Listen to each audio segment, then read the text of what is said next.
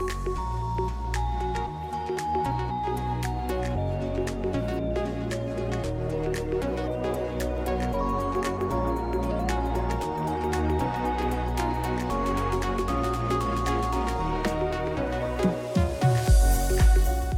hjertet velkommen til podcasten Power Life. Podcasten, der inspirerer dig til at leve dit ultimative bedste liv. Med god energi, mentalt overskud og en stærk power til at udleve dine drømme og de ønsker, du har for dit liv. Et liv fyldt med størst mulig livskvalitet, med en sund krop, der stråler og føles fantastisk at bo i. Et konstruktivt og positivt mindset. Kort sagt et liv med bedst mulig livsenergi. Mit navn det er Puk, og jeg har en mission om at hjælpe dig derude til at leve dit bedste liv – hvor du kan skabe den power, du har brug for til at tage handling og udleve dine drømme. Jeg studerer næring og sundhed, og jeg har selv erfaret på egen krop, hvad det betyder for ens livsenergi at give ens krop den bedst mulige næring, være fysisk aktiv, arbejde på sit styrkede mindset, en god søvnrutine, generelt set leve i en sund balance. Mine gæster er fantastiske mennesker, der inspirerer og deler ud af deres historie, viden og erfaringer, så du kan få et kærligt powerboost herfra til at tage handling og skabe dit bedste liv. Dit power life.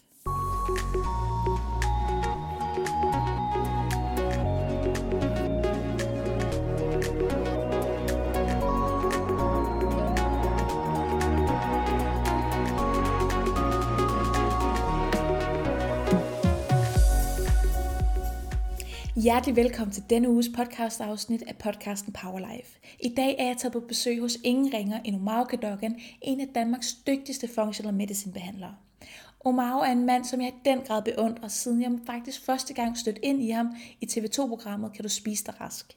Jeg kender faktisk ingen mand som Omar, der ved så meget om sundhed i alle dets aspekter, og nørder den mest spændende og mest komplekse viden for at hjælpe mennesker til at spise sig rask, men også få et bedre liv. I dagens episode kommer vi blandt andet ind på, hvad functional medicine er og hvad det kan, og hvorfor vi begge to er så fascineret af mulighederne for det, både for det enkelte menneske, men også for samfundet. Omar kommer med de bedste og mest detaljerede tips og tricks til, hvordan du kan optimere din sundhed, og hvordan du kan skabe bedre energi inde i dig.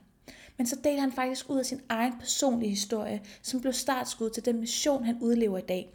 Fordi food can change lives. Han har nemlig selv spiser rask, og han ved, hvordan det føles at være så syg, at man næsten er ved at opgive. I dag er han en succesfuld functional medicine ekspert og har det rigtig godt. Du kan godt glæde dig til dagens afsnit. Lad os komme i gang. En af grundene til, at jeg har valgt at interviewe dig i dag, Omar, det er jo fordi, du er, hvad jeg kalder Danmarks bedste ekspert på functional medicine-området, fordi det er ikke så udbredt i Danmark endnu, mm, men nej. det bliver det, er jeg ret sikker på. Det, det er lige så stille på vej. Og så. jeg kan også mærke, at du faktisk bidrager til at sørge for, at det bliver en, et større felt i Danmark, mm. ja. og det kan mere og mere. Ja. Men Omar, vil du ikke prøve at forklare først, hvad er det functional medicine er? Mm-hmm. Og også lidt om, hvad det kan, fordi yes. det er jo det, der er hele springbrættet. Ja, ja. Så jo, altså fordi functional medicine, et, altså hvorfor bruger vi det engelske mm. ord? Det er ikke fordi, nu skal være mega fancy fancy, det er fordi man, herhjemme der har man også Center for Funktionelle Lidelser, hvor man mm. har et approach til sådan nogle kroniske tilstande med noget mindfulness og smerte, øh, altså, eller og gradueret genoptræning, hvilket er ganske godt, mm. så, så, så, bare fordi nogle gange til folk, ah, det er sådan et, et eller andet fancy pansy fis med mm. functional medicine. Anyway, når nu vi har sagt det, mm Altså functional medicine, det er i virkeligheden personligt tilpasset medicin, ernæring og sundhed ud i en ekstrem, ikke en dum ekstrem, men hvor man går et godt stykke videre. Og ikke fordi man selvfølgelig er man også personcentreret i det offentlige sundhedsvæsen, sådan i klassisk medicin, altså lægefaglig. Men functional medicine, der går man nogle gange nogle trin videre. Så man, i functional medicine vil man behandle ikke bare diagnosen, men også hele patienten, og også lede efter det, man kalder for root causes, eller mm. bagvedliggende årsager, og også nogle gange altså tænke nogle ret mange trin længere ned i materiet. Um, så man siger, altså functional medicine is not just the medicine of what, men also how and why. Mm. Altså, så hvad, hvad gør vi ved det her? Det gør man. Det, målet er jo altid at hjælpe folk, uanset yeah. hvilken tilgang man har, men også virkelig at tænke mm, langt ud i hvorfor. Mm. Og man siger også, at det, det er de to grundlæggende... Det, konceptet er enkelt, men når det så kommer til praktisk, bliver det mere komplekst. Det er to grundlæggende spørgsmål, man stiller sig selv. Hvad er det, der for den her person, for at de får det bedre eller bliver raske, de skal gøre mere ja. eller gå i gang med? Om det er mad, motion, mm. afstressning, mindfulness, ja. kosttilskud. urter eller medicin, der passer specifikt til dem. Det er egentlig underordnet. Og hvad skal reduceres? Mm. Altså, øhm, og der er jo både de her almene sundhedsting, som vi alle sammen kender til, kramsfaktorerne, mm. altså mad, at spise flere planter, ikke at du ikke må spise noget animalsk, få mere fedtet mm. fra sunde kilder, hvis du det søde får det meste af det fra mm. bær og frugter og så videre frem for snøfler, ja. ikke? Men så også kan der begynde at komme alle de her individuelle ting på banen, mm. som også er nogle af de ting, der så, når man går ud og kigger i sfæren, så ved, om skal jeg være veganer, skal jeg være keto, skal jeg være alt muligt andet. altså nogle gange, så noget af det, der bliver sagt, er bare noget outright bullshit, men det er også nogle gange at sige, at det er det helt rigtigt for den her yeah. person, fordi det der virker for dem. Og så også om man siger, okay, hvad skal væk? Mm. Og der er igen, jamen, rygning, det ved vi er ret yeah. usundt. Ikke? Øh, for meget alkohol, det ved vi er ret usundt, yeah. uanset hvem du er. Voldsom stress, det ved vi også er usundt, uanset hvem du er. Transfedtsyre. Mm. Men så kan det også være igen de her individuelle ting, for at sige, jamen, nogen tåler ikke gluten. Ja, for så der er det meget bedre. mennesker, der er ens jo. Ja, ja. Det er jo det, der er ja. lidt hele misæren også, ja. synes jeg, fordi det er jo det, vi nogle gange går ud for at behandle, det er, vi behandler mennesket og de symptomer, de har, fordi det er det, vi ser generelt set. Ikke? Ja, jo, både det, eller også, at man behandler ud fra en gennemsnitsstatistik ja. at sige, hvis vi tager 100.000 mennesker, der har det her problem, mm. så vil størstedelen af dem, eller i hvert fald en, en acceptabel ja. andel af dem, de vil få en effekt. Mm. Men der er jo altid, hvis man kigger på sådan et, et altså på forskningsresultater, når man så kigger på, så hvis man laver sådan en scatterplot, mm. hvor man altså platter alle ja. de forskellige svar, så kan man se, øh, at øh, der er nogen, hvor det bliver bedre, og der er nogen, hvor ikke sker noget, så der er også nogen, hvor et standardbehandling bliver værre, ja. altså gør tingene værre, men gennemsnitligt, altså ja. hvis nu at det, hvis vi har 100 personer, 50 de får det bedre ved at lave en eller anden intervention, mm. om det er kost eller motion mm. eller medicin, ikke? og så er der 38, hvor der ikke sker en dyt, så de får det hverken værre eller bedre, ikke? jamen så er der 12 tilbage, så når muligt får det værre. Ja. Så det er, det er jo interessant at sige, kunne der være noget andet, man kunne gøre for de 38, eller især de 12, mm. Som der virker for dem. Ikke? Altså, og, og, og hvis man nogle gange så nemt med at forklare dem, hvad, hvad betyder det i praksis, det er at komme med et par eksempler, fordi sådan koncepterne, jamen, mm. okay, men det bliver stadig lidt flydende, så jeg kan tage et par, koncept, eller et par eksempler fra klinikken, der forklarer rigtig godt. Så en af mine klienter, han var lige pludselig begyndt at få forhøjet levertal, og man var ret sikker på, at han var på vej til at udvikle en autoimmun leverbetændelse.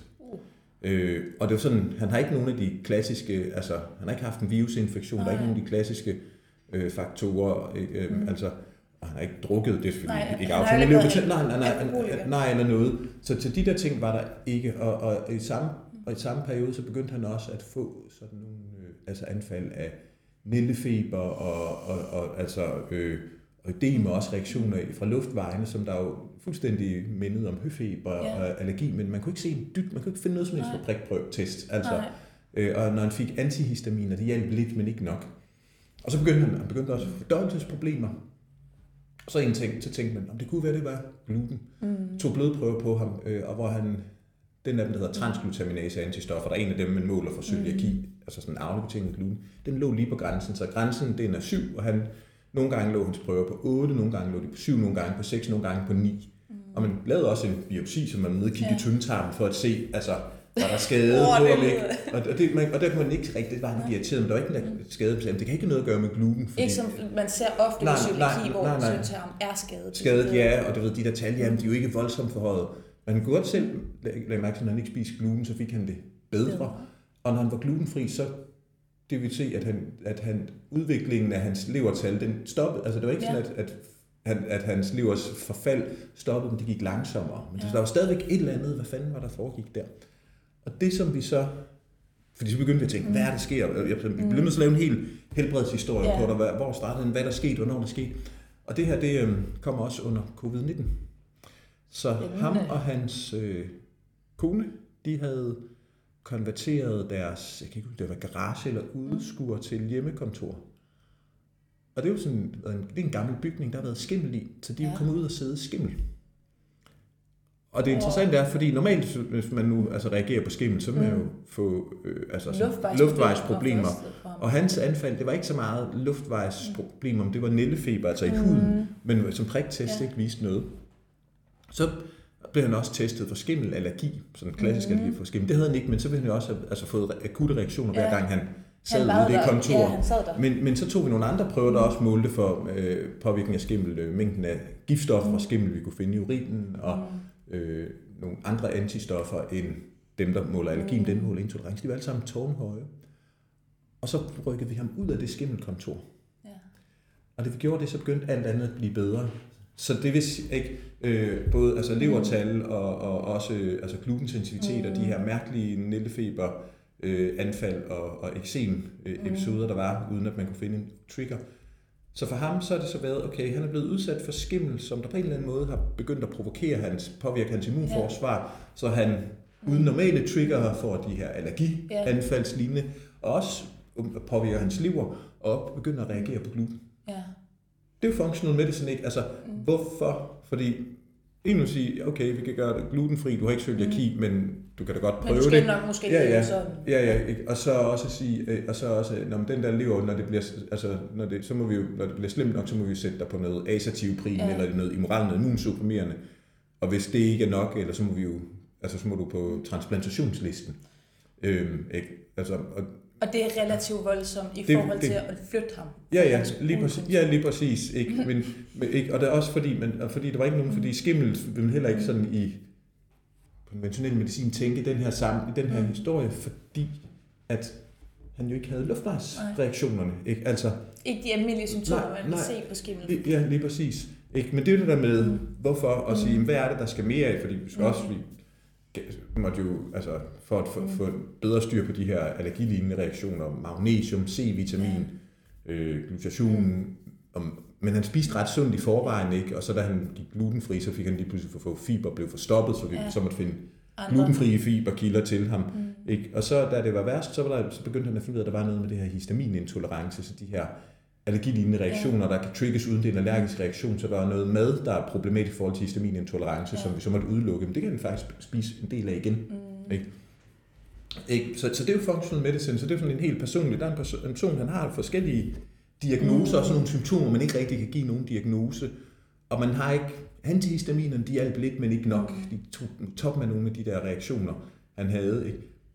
Men da man så begyndte at grave dybt nok, mm. så kunne man faktisk altså komme til bunds bag, altså bag ved kulissen og sige, okay, det er her, der er årsagen. Ja. Det er ligesom, at vi lægger et helt landkort for ja. at forstå ja. hele mennesket, og det, ja. det er det, jeg synes, der er så inspirerende, ja. fordi du ser jo ikke bare på det ene symptom, der kommer Nej. ind. Du får jo, du Eller, kender jo dit arbejde, ja, ja. du kender, ser hele sygdomshistorikken. Ja, ja, og, det, og ikke bare den ene sygdom, eller her var der jo flere sygdomme eller mm. diagnoser.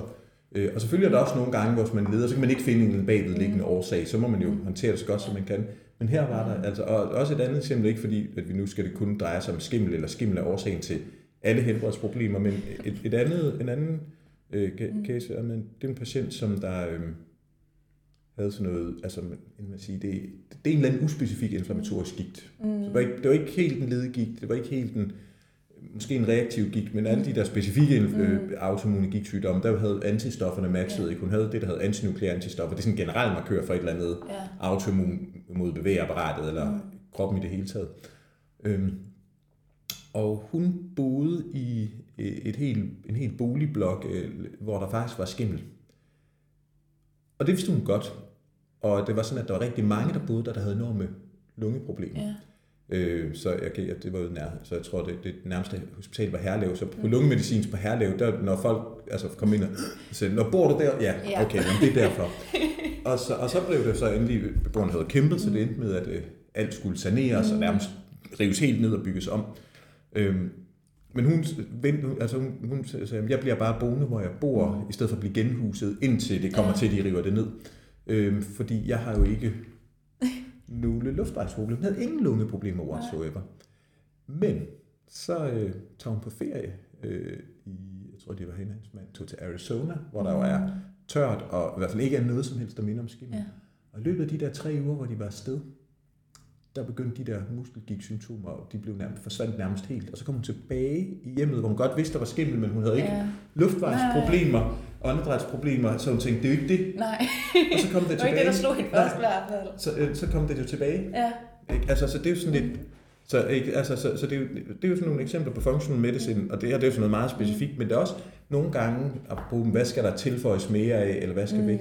Jeg har også haft et par cases af patienter med det, man sådan kalder for flyvegigt. Mm. Altså, hvor så har de, så er de ondt i albuen, mm. og så er de ondt i håndledet, og så er de ondt i knæet, ja. og hvis man skal, laver scanninger, altså ultralyd og sådan noget, så kan man måske godt se, at der er noget hævelse, men det, man kan ikke se sådan nogle gigtforandringer, også man tager blodprøver, så er der ikke jo, der er måske nogle gange lidt forhøjet inflammationsmarkør, men det, det er det. Og, og, og, og, for, og der er faktisk en del af dem, hvor det, det er helt åbenlyst, at deres flyvegigt, den er simpelthen induceret af underindtag af grøntsager. Så de har ikke været, fordi de har tænkt, okay, jeg ved godt, at jeg ikke spiser 600 gram grøntsager, bær, frugter i døgnet, men jeg har ikke forhøjet blodtryk, jeg var ikke for meget, jeg har ikke diabetes, jeg har ikke skæve kolesteroltal, øh, ja. altså problemer med hjertekar, kredsløb ja. og så videre, så det er nok ikke så vigtigt. Men vi ved jo, at alle de der grøntsager, bær, frugter, de betyder rigtig meget for reguleringen af inflammation. Mm. Så der er sådan flere cases af patienter, som der jo så har været, altså, været på, så, så har de været på i præn og mm. Voltaren-kur og så videre, ikke? og så har de så fået mavegener nogle gange, mavesår, så skulle mavesyre neutraliserende mm. medicin, og what have you not for det, ikke? og blevet forstoppet. øhm, ikke? Altså, eller fået blokader det ene sted og det andet sted, det tredje sted, når det blev for slemt, og så flyttede det sig så et nyt sted, og du kan få en ny blokade om to måneder. Og så er det simpelthen bare, okay, så vi skruede op for deres, altså virkelig skruede op for deres indtag af grøntsager, bær, frugter, mm. og også nogle gange sørgede for, at de havde fokus på sundt fedt. Det var ikke fordi, de levede af altså, øh, frityre, øh, grydens indhold og så videre, ikke? Øh, og hærdet palmeolie. Mm. Men det der med, okay, nu får vi det op på minimum 600 gram grøntsager, bær, frugter i døgnet, og faktisk endnu mere, måske op på et kilo. Øh, og også begynder at tænke noget antiinflammatorisk ind, altså mm. altså gurkemeje, ingefær, mørke bær, korsblomstrede grøntsager. Ikke? Og sige, prøv at spise nogle omega-3 fedtsyre hver dag, få noget fisk. Mm eller rovn, eller, eller ikke hver dag, eller fiskepålæg, og få nogle hørfrø, eller chiafrø, eller hamfrø, eller valnødder, eller olierne presset af dem, og nogle af de her sunde plantefedtkilder, olivenolie, avocado osv. Tre måneder senere, de havde da ikke en Altså, de havde da ikke en dyt flyve. Men det gør mig så glad at høre. Ikke, men, men det er fordi, det er blevet udredt, mm. altså i, når man har sådan et, et klassisk øh, sundhedsapproach, hvis vi kan kalde det for det, eller det konventionelle, mm. så har man jo sagt, okay, men det, du var ikke alt for meget, og du ryger ikke, du drikker ikke, øh, og du har ikke altså alle de her markører, vi måler for. Så det, vi kan tilbyde dig, det er enten altså en kraftig håndkøbskur eller på recept, men med den mm. potentielle bivirkning med mavesår, altså mavesår, 12 tarmsår, mm. irritationen i, i tarmsystemet i det hele mm. taget. Mm. Øhm, og faktisk så nogle af de i hvert fald hvis man i forvejen mm. har risikofaktorer for blodpropper, så kan nogle af de her langtids NSAID-kurer jo også være mm. øh, et issue der. Mm. Ikke? Altså, og, så, og så var det, men, men fordi man også tænkte, mm. jamen du er ikke decideret usund. Mm. Så, så ikke, men der var, var der noget, der var behov for mere? Ja. Sådan, og det her var det ikke et eller andet mærkeligt skimmel eller Nej. noget andet. Men det var, det var bare, helt simpelt helt simpelt, ja, ja, ja, altså. ja, men det er jo stadigvæk tilbage mm. til tanken. Ikke bare hvad, men mm. hvordan og hvorfor. Mm. Altså hvordan er det sket? Hvordan gør man noget ved det? Hvorfor er det opstået? Ja. Hvad kunne være årsagerne til det? Øhm, ikke? Mm. Og hvad skal der tilføjes eller mere af, og hvad skal der mindre af? Øhm, for at den mm. person får det bedre.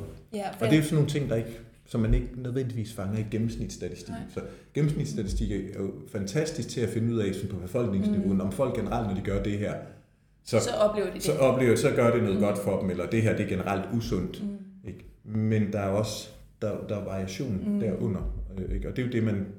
Altså sige, functional medicine, der leder man både efter variation, men nogle gange er det også et spørgsmål om bare, mm. eller bare, bare det måske lidt øh, lemfældigt mm. sagt, at få folk til virkelig at fokusere på kramsfaktorerne. Altså mm. Altså kost, rygestop, et kontrolleret alkoholforbrug eller nul alkohol, motion og bevægelse og fysisk aktivitet, søvn, stress, stress. og faktisk også det sociale. Mm. Altså, altså, tidligere har jeg haft altid talt om krams med to S'er. Nu er det den tre S. Det er det sociale og det yeah. psykosociale, fordi det betyder også ret meget, og det betyder både, altså både det med, at de mennesker, vi er sammen med, de påvirker mm. jo vores sundhedsadfærd. Hvis man er sammen med nogen, der spiser sundt, yeah. så spiser man nok, så er der større sandsynlighed mm. for, at man selv spiser sundt man er sammen med folk, der prioriterer for nok søvn, så altså, mm. prioriterer man for nok søvn, hvis man er sammen med folk, der ikke, ikke drikker for meget, så drikker man ikke for meget. Eller, eller Jamen, der er jo faktisk forskning på ja. lige nu, det der med dem, du omgås med, påvirker dig på celleplan, ja. og det er jo det, man faktisk begynder at se mere og mere, man forsker i. Ja. Det er jo ja. et super spændende emne også. Så, så, så, så det er der, og så er der så det andet også med, altså de folk, vi interagerer med, at de har jo også indflydelse på vores sindstilstand. Mm.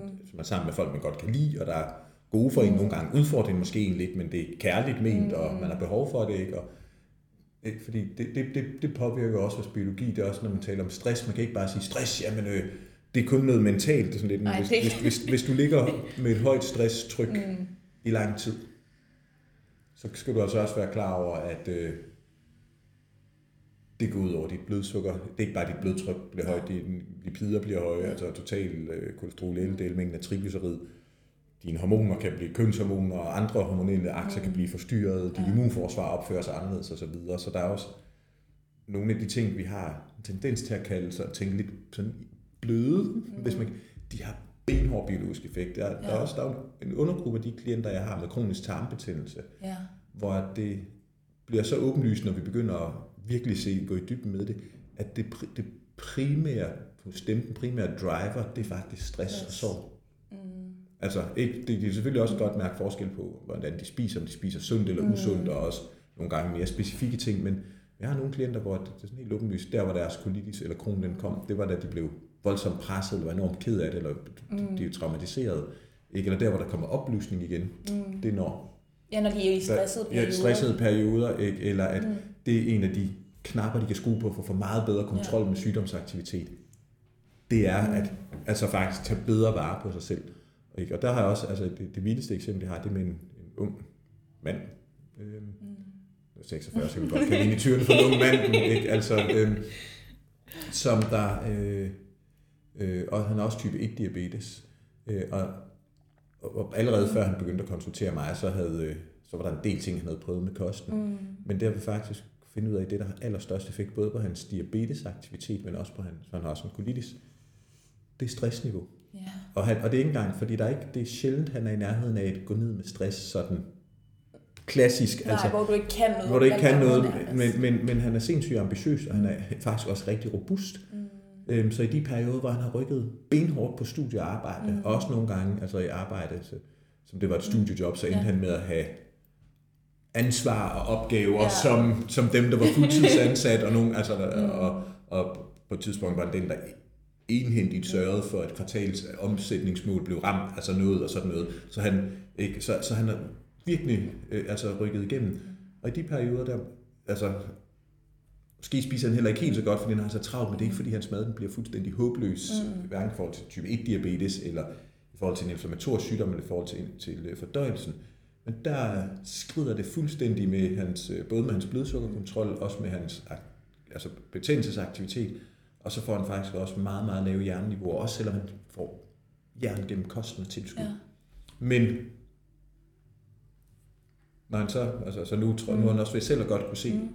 mønstret, at han faktisk bliver nødt til at øh, være på forkant, og også selv sige fra, før han begynder at sige, hov, nu er det for meget, for nu kunne det godt være, at jeg mærker, at jeg begynder at blive slidt. Men det er fordi, han er jo så, mentalt er så robust, og ja, ja.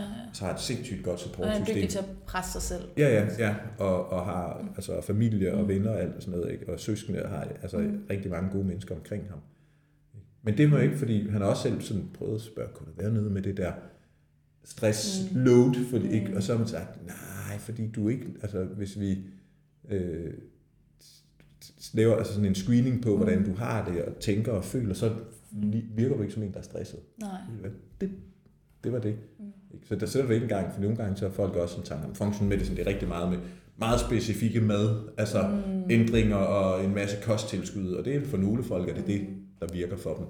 Men her var det simpelthen mindre stressbelastning, øh, og, og, og på forkant sige, okay, det, det der, selvom det er super spændende, egentlig godt kan gøre det, så betaler en pris andet sted. Mm. Åbenbart det er ikke sindet, der mm. altså som der øh, bliver krøller sammen her, eller bliver slidt, mm. det er simpelthen kroppen, der, kroppen, der reagerer. Ja. Men det er det, jeg elsker med, I omfavner det hele menneske ja. i jeres behandling af det. Altså, fordi der er jo ikke noget menneske, der er ens. Altså, Nej. Og det er jo det, som jeg føler ofte statistikkerne, og nu kan vi også tale evidensbaseret ja. medicin bag, eller evidensbaserede anbefalinger. Ja. Fordi det er så generaliserende, yep. og, og ser ikke det enkelte menneske, fordi Nej vi ved, at morens ernæring under graviditeten har betydning for dit liv. Ja, og hendes stresstilstand, og ja, ja, hendes sundheds- eller usundhedstilstand. Ja, og for ja, og, at du bliver født, og din fødevarematrix ja, ja. igennem dit liv, det, ja, ja. det har en kæmpe påvirkning. Ja.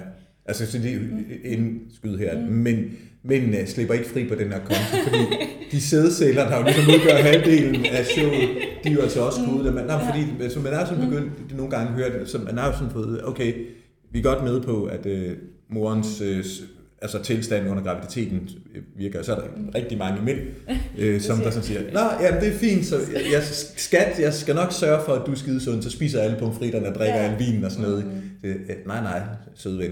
dine sædceller, de er altså også, den sundhedstilstand, du har, den påvirker både altså kvaliteten og mængden og ligesom levedygtigheden af dem, men de der epigenetiske aftryk, vi taler om, der bliver sat, der bliver sat nogle bogmærker i generne, ja. der ændrer, hvordan de kommer til udtryk. De sidder altså også hos manden, så hvis han er enormt usund, selvom fosteret ikke vokser ind i hans krop, ja. så, så kommer der, så, så det er jo ham, der leverer halvdelen af DNA'en, mm. så kommer der jo stadigvæk, at den, den vil sidde med nogle bogmærker, der måske sidder mm. rigtig uhensigtsmæssigt på grund af mandens ja. øh, usundhedsadfærd. Men ja, men det er jo, det er jo det med at se det hele mennesker. Altså, altså hvis man også skulle bruge noget, som folk godt kender til, for at forstå, hvorfor at generelle anbefalinger også er gode, men at man også er nødt til at se på individet. Så man tage BMI som eksempel. Ja, den er fordi, så spændende at diskutere. Fordi BMI er jo, hvis du ser et befolkningsstudie, så er BMI faktisk en ret god markør. Mm. Ikke? Altså forholdet mellem mm. vægt og højde. Øhm, ikke? Og hvor vi jo lige nu siger, hvad var det med sundhedsprofilen, at 53 procent af den danske befolkning er overvægtig, sige, ja, har BMI over øh, over 25, og 18 procent mm. er i det, man kalder for svær overvægt, eller jeg vil kalde det for klinisk fedme, mm. øh, og ikke med noget følelse eller noget mm. blaming i de ord, men altså det er bare en klinisk tilstand. Ikke? Det, der er problemet der, det er med BMI, altså mm. at vi er jo godt klar, at folk kan have et BMI, der er under 25, og faktisk stadig have et problem med en uhensigtsmæssig fedtmasse, mm. fordi de kan være tyndfede, de kan ja. have en hel masse visceralt fedt, der sidder inde i. Det ser altså de vildeste eksempler på det, det er jo folk, der har misbrugt anaboliske steroider, om de er mænd eller kvinder, som der kan stå og være ret skinny, mm. altså, men som der har en fedtlever. Altså, så, det, så der vil det jo snyde. Ikke? Og så er på den anden ende af skalaen, man kan jo sagtens til folk, der har en BMI over 25, ikke fordi, at mm. de har en fedt masse eller en fedt placering, der er skadelig, men fordi de har høj muskelmasse. Mm. Ikke, øhm, jeg synes, det er så ja, ja. sigende, det der med, at det handler om kropssammensætning. Ja, ja. ja. Ja, ja nej, og det er så derfor, så BMI er ikke, det er langt fra tilstrækkeligt mål for den enkelte person. Men på befolkningsniveau mm. siger det noget, fordi det er jo ikke sådan, at 53 procent af den danske befolkning, de ligger i en, altså mm. i, i med BMI over 25. Øh, fordi at alle er begyndt at styrketræne så meget mere, eller crossfit-træne så meget mere, så de har fået massiv muskelmasse. Så, det, så, så på befolkningsniveau, så siger noget, at der sker noget med mm. vægten, eller med kropssammensætning ja. og fedtmassen. Men på, for enkelte personer er det ikke godt nok. Så det er lidt det samme, så BMI er jo godt til at følge trends mm. på befolkningsniveau. Ikke? Så dem, der også siger, at BMI er fuldstændig ligegyldigt. Nej, ikke når vi ser på, hvad der sker for store grupper. Ja. Men det var også egentlig også det, det var designet til det tager bare ikke enkelt, fordi så er folk, der siger, du er BMI på 30, så derfor er du fedes lidt. Øh, det der, det er en øh, styrkeløfter. Mm. Ikke? Altså, som der er mm. kæmpe store muskler, eller en rugby-spiller, eller en, en, en, altså en, øh, en seriøs mm. crossfitter, måske endda en professionel crossfitter. Ikke? Så, så ikke, eller, Nå, det der BMI, det, altså jeg har set, jeg har haft klienter med BMI på 20, der var altså der faktisk havde en rigtig høj fedtprocent, fordi ja. de havde så lavet muskelmasse. Mm. Altså de var jo nærmest undermuskuleret. Ja. Ikke? Og så, så har vi jo et mismatch. Et mismatch. Øhm, ikke? Så, så det er jo lidt det samme, også som vi taler om sundhedsanbefalinger. For jeg synes jo egentlig, at alle burde starte med at følge de offentlige sundhedsanbefalinger. Mm. Nogle, fordi vi, der er nogle ting, der også er indiskutable. Rygning, yeah. det koster bare ikke. Men altså madmæssigt, jamen start med at spise godt med grøntsager, bær, frugter, mm. øh, få mindre tilsat sukker, øh, mm. vælge nogle sundere fedt- og proteinkilder. Altså det giver super god mening. Og bare hvis nu vi gjort det, så vil det helt sikkert rykke noget på, på sundhedsdata på, på befolknings- eller gruppeniveau. Det vil rykke. Men så begynder der at komme alt det der individuelle, mm. fordi hvis man for eksempel følger de, de offentlige kostanbefalinger, også den nye udgave af dem, mm. og man faktisk er i den femtedel af befolkningen, der har noget, et, et eller andet issue med insulin og blodsukker, mm. type 2-diabetes eller prædiabetes, mm. så hvad var det, Annette Sams havde regnet på, at hvis man ligesom fulgte det, så kunne man godt komme op på en 200 til 240-50 gram kulhydrater ja. i døgnet. Hvilket er fint, hvis du er fysisk aktiv, og de kommer fra mm. sunde kilder, du har en ordentlig omsætning af blodsukker. Ja. Hvis din blodsukkeromsætning den er ringe i forvejen, i forvejen så, så selvom de kommer fra linser og bønner og havregryn og sådan noget, så er det jo for meget. Mm. Ikke? Altså, så, så bliver det jo et issue. Mm. Øhm, men det tager man ikke højde for. Nej. Eller jo, det er lige for nylig, at der i de officielle, skal vi sige, i, i, altså i de anbefalinger står for eksempel på hospitaler, at man godt kan tilbyde folk med type 2 diabetes eller type 1 diabetes en kulhydratreduceret kost, mm. hvis de ønsker det øh, som en del af deres mm. behandling.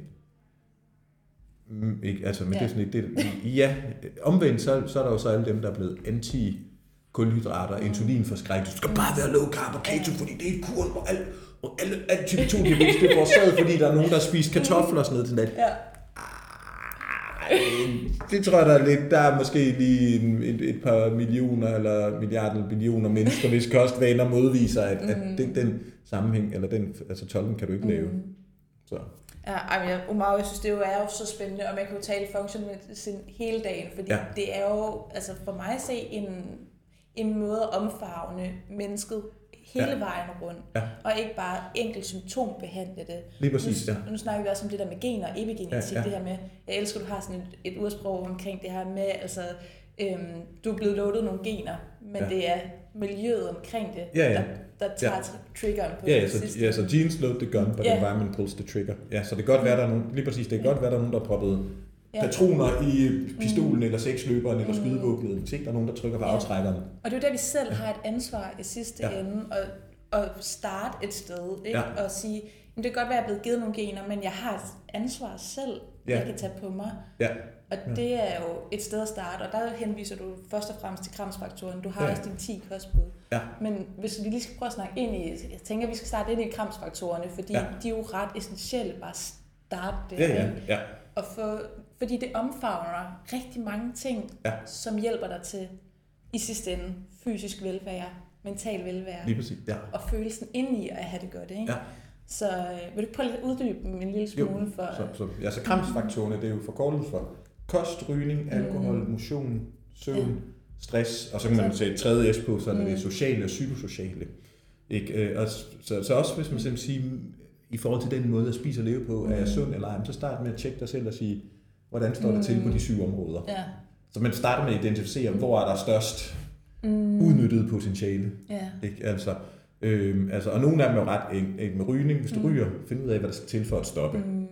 Det er nemmere sagt end gjort, men det koster. Øh, ikke? Og så også lige en ting med, i forhold til rygning. Alle de her nikotinprodukter, der er på banen, oh, tak dem skal man, de er altså ikke uproblematiske. Det er klart, hvis du er storryger, og du skifter over til at begynde mm. at Mm. bruge nikotinspray eller nikotintykkegummi, så gør du mindre skade, end du gjorde før. Mm. Men dem, der tænker, hvis nu jeg begynder på dem, uden at ryge, Ja. så er det sundt. Ja. Wrong. Det er mindre usundt, eller mindre skadeligt, Ja. men det er ikke. Altså, øh, det Du gør ikke din krop en tjeneste. Nej, nej, nej, det gør det ikke. Jeg har, altså, jeg har jo sådan, også set nogle vilde cases med øh, folk, som der så har brugt store mængder af de her nikotinprodukter, som der har haft hjerterytmeforstyrrelser og alt muligt andet, men ikke kunne regne ud, hvorfor var. Øh, altså en dag også en ung mand, øh, som der altså fik sådan nogle vilde episoder med dobbeltslag og forstyrrelser, så meget man, altså han har været på rød, hos, akut på hospitalet flere gange, fordi man tænkte, er du ved at få et hjerteanfald? Mm. Og der er en, en af gangene, så ligger han derinde med fuld altså, ja. Monitoreringsudstyr på, øh, og så sker der ikke lige noget. Og så øh, tager han en nikotinpose, Ja. og der står øh, personalet ved siden af, der på kardiologisk, og siger, ej, er det godt, du ikke ryger. Og som den ryger ind i munden, så øh, går det helt, og der er ingen, der laver koblingen, fordi tanken var, at det er jo ikke, det er jo ikke tobak. Nej. Så, ikke, så, så, så, der, ikke, så, så, så det er klart, nikotin som en substitut for at komme Mm. holde op med at ryge, hvor du får hele Ja. muligheden med, yes. Mens du begynder at bruge nikotin uden tobak, så koster det også vaping. Der er jo alle mulige mm. Mm. ting i den der damp. Fordi jamen, det er ikke tobak, nej, men der er andre ting i. Altså, mm. der er jo Mm. kommet en ny diagnose, man, øh, hvor et populært øh, sprog for den er popcornlunger. Ja. Altså alle de små alveoler, Ja, de ja. er simpelthen poppet. Nej. Øhm, og det er på grund af vaping. Det er der nogen, der får, så ikke så der. Øhm, så, så, ikke, så, så, så, så rygningens Mm. del, den er rimelig nem. Alkohol, den er også ret nem. Det hedder ingenting eller en genstand i døgnet. Ja. Øh, og man kan ikke spare sammen. Nej, fordi det er Altså, det, ja, der, ja. så, det der mange, der siger, så binge-drinker de en gang om ugen, fordi Ja. de har sparet sammen en hel Ja. uge, ikke? Ja. Det- altså, Din det, det, krop bliver ikke bedre af nej, altså det vil svare til at sige, øh, jeg tror ikke, jeg motionerer mandag, tirsdag, onsdag, torsdag, fredag, lørdag, og så prøver jeg at træne syv timer søndag. det. Ja. Det går måske, når man er teenager og ung voksen, hvor man sådan er rimelig robust, men derefter, så bliver du Mm. bare savet midt over, ikke? Eller det svarer til at sige, jeg drikker ikke noget vand.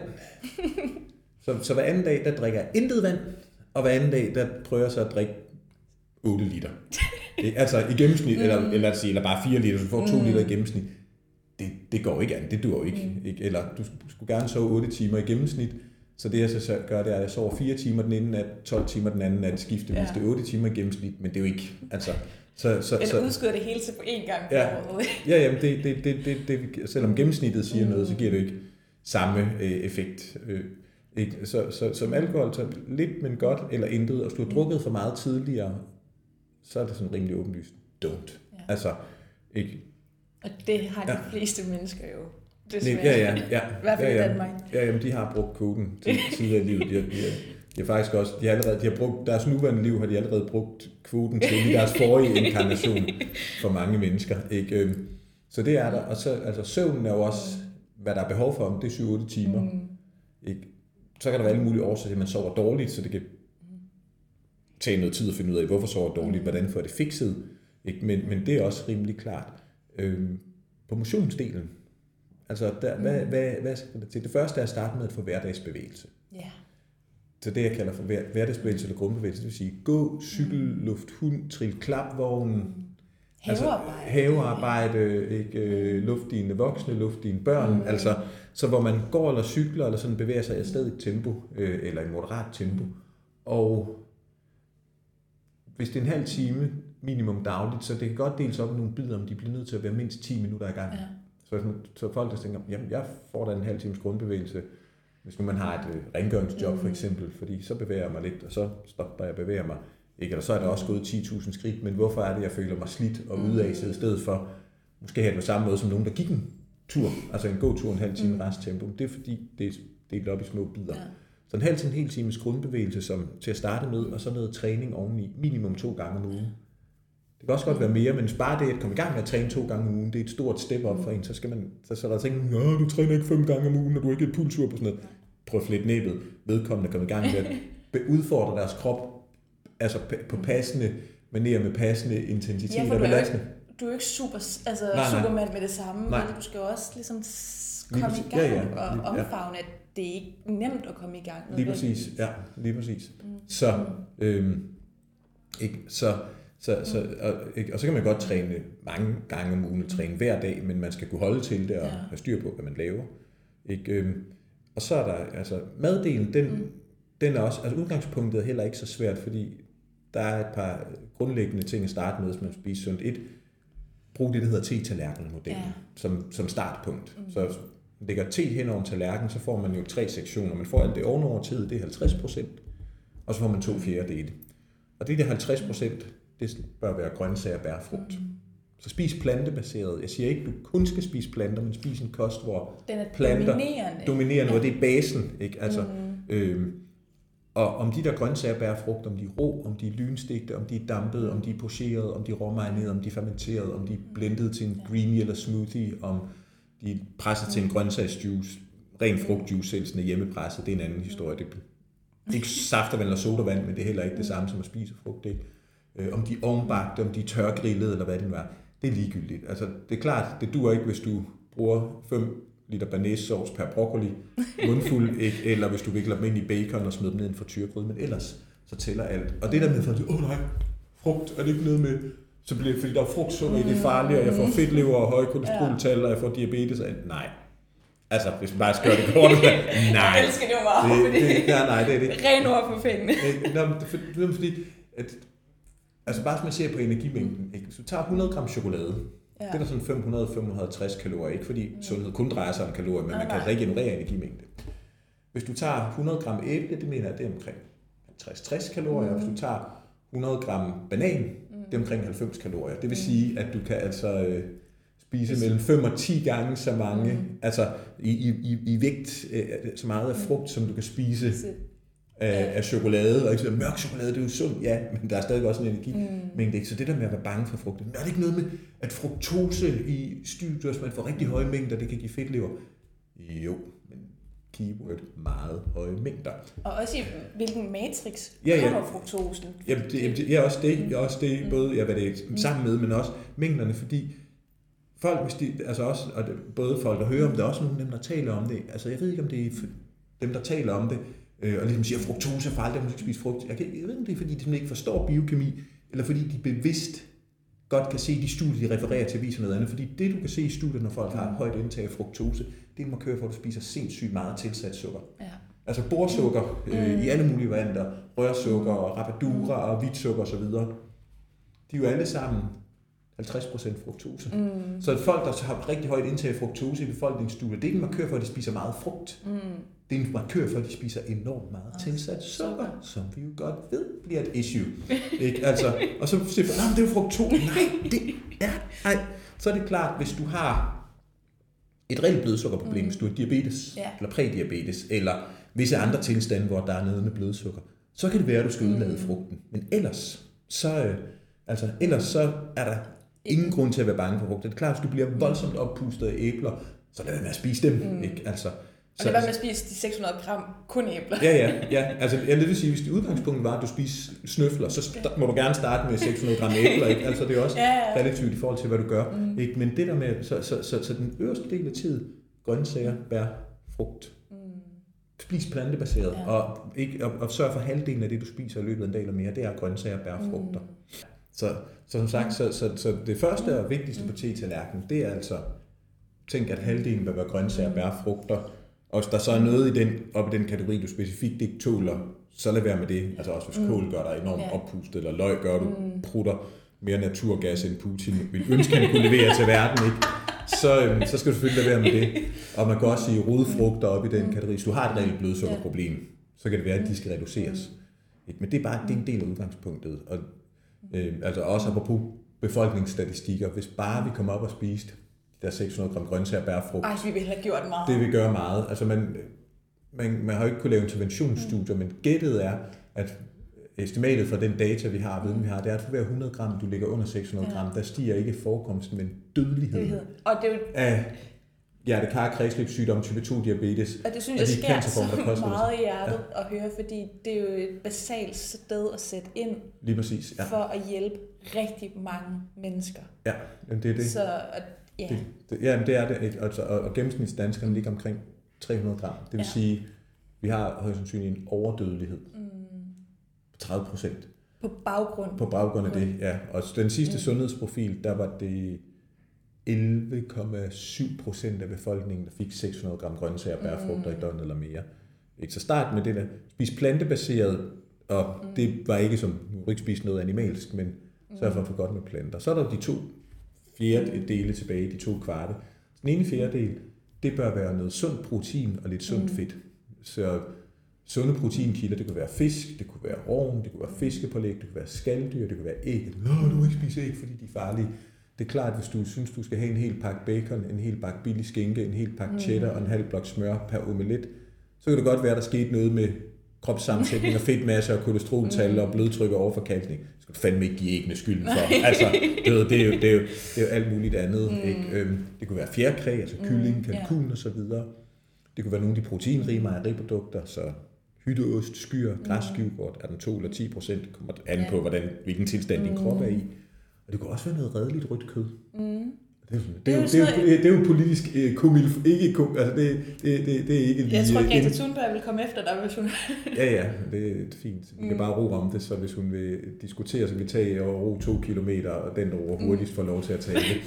Nå, anyway. Nej, men, men, men det er fordi, den der historie med, at rødt kød er farligt, der er noget, det er meget mere nuanceret. Ja. Det er det klart. elsker at du går ind i, Umar. Ja, det, det, ja, men også, jeg synes, at folk skal have noget, altså de skal have noget ordentlig viden. Ja fordi det er rigtigt, hvis du kun lever af kød, og ikke får dine fisk og mm. grøntsager, bær, mm. frugter og nødder, så har du et problem. Men så er det kødets skyld, så er det, der fravær noget sundt. Mm. Det man kan se i forskning, det er, at hvis man har et højt indtag af meget bearbejdet yeah. kødprodukter, altså øh, skinke, bacon, kødpølse, spejepølse, rullepølse, what have you, det øger risikoen. Mm. Det koster både på sygdomsforekomst og, og dødsbyrde. Ikke? Men, men, men, men, men rødt kød sig selv mm. øh, er, øh, mener det er klassificeret som kategori 2B af WHO. Yes. For, så er det jo allerede på en cancer-klassificering. Mm. Aloe vera mm. er klasse 2B.